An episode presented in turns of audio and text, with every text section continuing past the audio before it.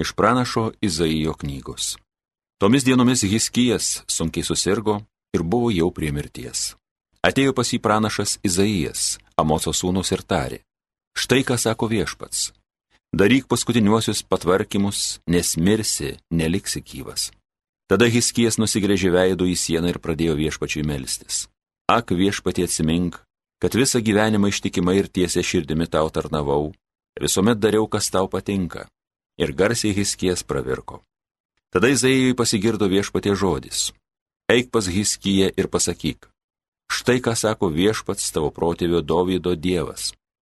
Girdėjau tavo maldą, mačiau tavo ašaras, prie tavo gyvenimo aš dar pridėsiu penkiolika metų. Tave ir šį miestą aš išvaduosiu iš Asūro karaliaus valdžios ir ginsiu šį miestą. Bet Izaija paklausė Hiskijas, iš kokio ženklo pažinsiu, kad vėl aš įžengsiu į viešpaties namus. Izaijas atsakė, ženklas, kad viešpats laikysis duotojo žodžio, bus tau šitoks. Saulė šešėliui, kuris ant abazo laipsnių jau nusileido, aš liepsiu per dešimtį laipsnių pakilti. Ir saulės šešėlis pakilo virš laipsnių, kuriuos jau buvo palikęs, vėl dešimtį laipsnių į viršų. Tai Dievo žodis.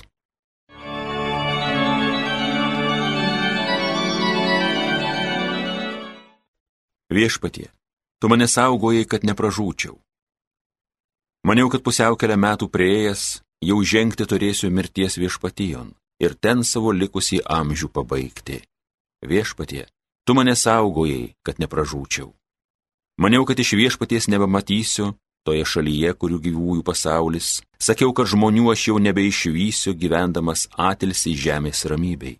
Viešpatie, tu mane saugojai, kad nepražūčiau. Gyvenimas mano štai bus suardytas, jį nuima tartum piemens palapinę.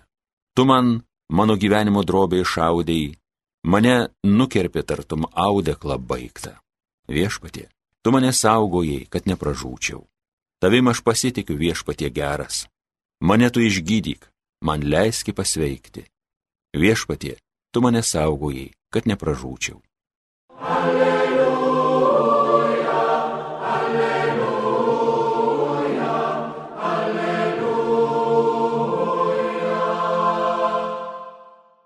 Manosios avys klauso mano balso, sako viešpats. Aš jas pažįstu ir jos seka paskui mane. Alleluja, alleluja, alleluja. Pasiklausykite Šventojios Evangelijos pagal matą. Anu metu Jėzus ėjo šeštadienį per javų lauką, jo mokiniai buvo išalkę tad ėmė skintis varpų ir valgyti. Tai pamatę fariziejai jam sakė, žiūrėk, tavo mokiniai daro, kas šeštadienį draudžiama. Jis atsakė, ar neskaitėte, ką darė Dovydas ir jo palidovai, būdami alkani, kaip jie nuėjo į Dievo namus ir valgė padėtinės duonos, nors nevalia buvo jos valgyti nei jam, nei jo palidovams, o vien tik kunigams. Arba Ar neskaitėte įstatymį, jog šeštadienį kunigai šventovėje pažeidžia šeštadienio polisį ir nenusikalsta? Todėl sakau jums, čia daugiau negu šventikla. Jeigu žinotumėte, ką reiškia, aš noriu pasigailėjimo, o ne aukos, nebūtumėte pasmerkę nekaltų. Žmogaus sunus yra šeštadienio viešpats. Girdėjote viešpatie žodį.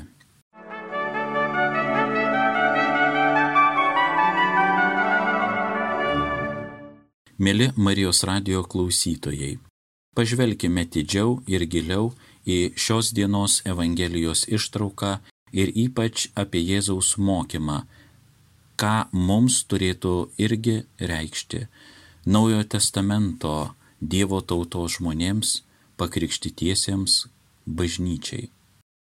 Jėzaus mokiniams apskritai nebuvo pareikšti kaltinimai varpų vagystę. Įstatymė buvo aiškiai pasakyta, kad alkanas keliautojas turi teisę daryti būtent tai, ką padarė Jėzaus mokiniai. Jei rankomis skynė varpas, o nepanaudojo dėl to pjautuvo. Pakartoto įstatymo knygoje apie tai rašoma.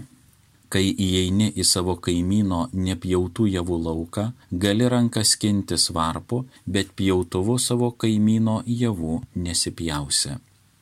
Rašto aiškinto ir fariziejų akimis mokinių kaltė buvo ne ta, kad jie skynė varpas ir valgė, bet tai, kad jie tai darė per šabą šeštadienį. Šabo įstatymas buvo labai sudėtingas, tačiau labai išsamei ir išaiškintas. Įsakymas draudžia dirbti šabo dieną, tačiau įstatymo aiškintojai negalėjo pasitenkinti tokiu paprastu draudimu. Reikėjo apibriežti, kas yra darbas. Taigi buvo nustatyti 39 pagrindiniai veiksmai, kurie buvo draudžiami šabo dieną, įskaitant pjūti, grūdų vėtimą, kulimą ir maisto gaminimą. Tačiau įstatymo aiškintojai nenorėjo ties tuo sustoti. Dabar reikėjo didžiai nustatyti kiekvieną draudžiamų veiksmų sąrašo elementą. Taigi, pavyzdžiui, šeštadienį buvo draudžiama nešti svorį ir naštą. Bet kas yra svoris? Svoris yra viskas, kas viršyje dviejų vynogių svorį. Buvo draudžiama net bet kokia užuomina apie darbą, viskas, kas net simboliškai galėjo būti laikoma darbu. Vėliau didysis žydų mokytojas Maimonidas, gyvenęs 12-13 amžiuje, pasakė, skinti varpas tai tas pats, kas jas ir pjauti. Nuskinę varpas mokiniai net nekarta pažeidė įstatymą. Pirma, jie buvo kalti vien dėl to, kad skynė. Trindami tarp rankų varpas jie buvo kalti dėl to, kad kūlė. Atskirdami pelus nuo grūdų jie buvo kalti dėl vėtimo. Ir apskritai, jie buvo kalti dėl to, kad ruošė maistą per šabą, nes viskas, kas buvo valgoma per šabą, turėjo būti pagaminta dieną prieš, anksčiau. Žydai ortodoksai labai rimtai žiūrėjo į šį šabo įstatymą. Jubilėjaus knygoje yra skyrius apie šabo laikymusi. Kiekvienas, kuris guli su savo žmona arba planuoja ką nors daryti šabo dieną, yra pasmerktas.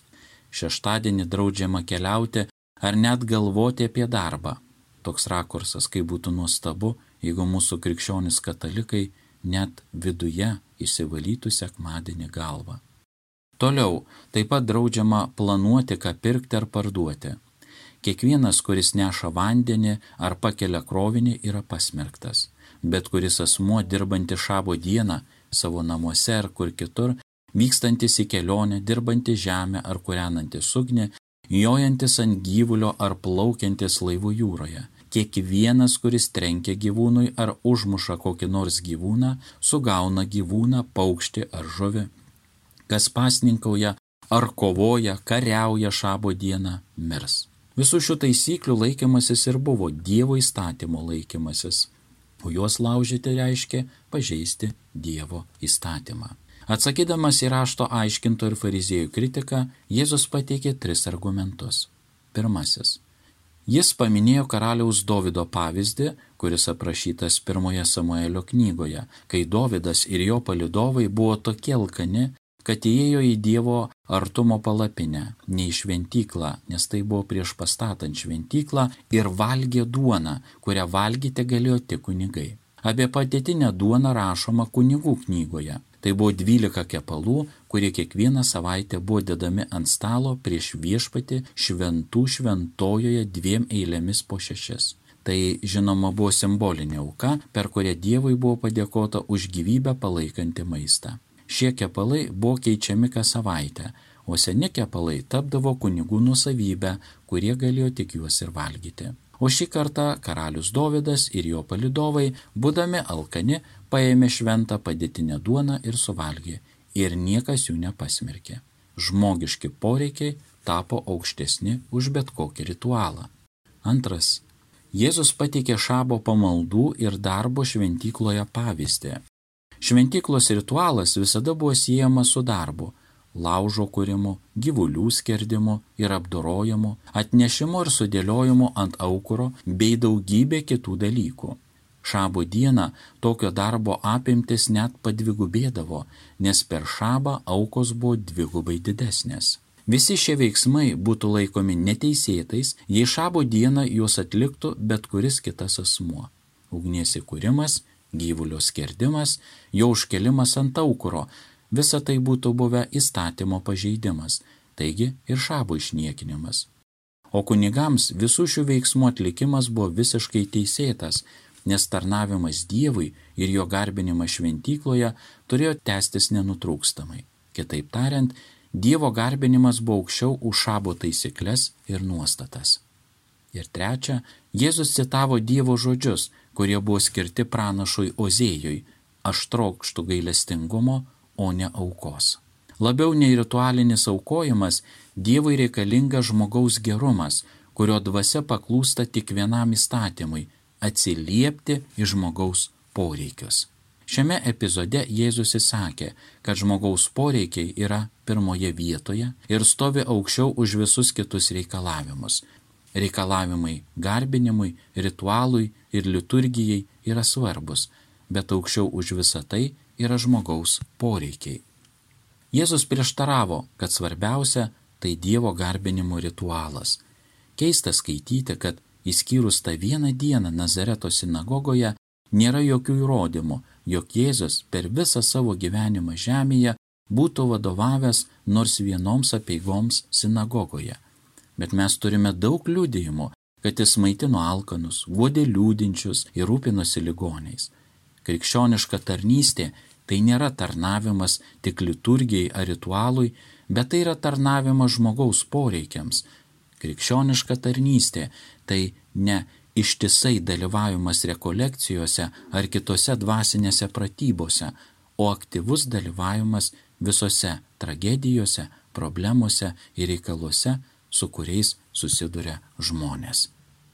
Mėly Marijos radijo klausytojai, bažnyčios nariai, garbinkime, melskimės, dalyvaukim dvasinėse pratybose, bet tegul tai tampa mūsų meilės darbais, kurie patenkina žmogaus poreikius, tarnystę, liturgiją ir krikščioniškais meilės darbais mūsų aplinkoje ir pasaulyje.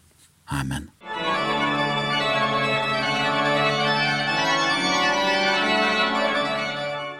Homilija sakė kunigas Juozas Fakėjevas.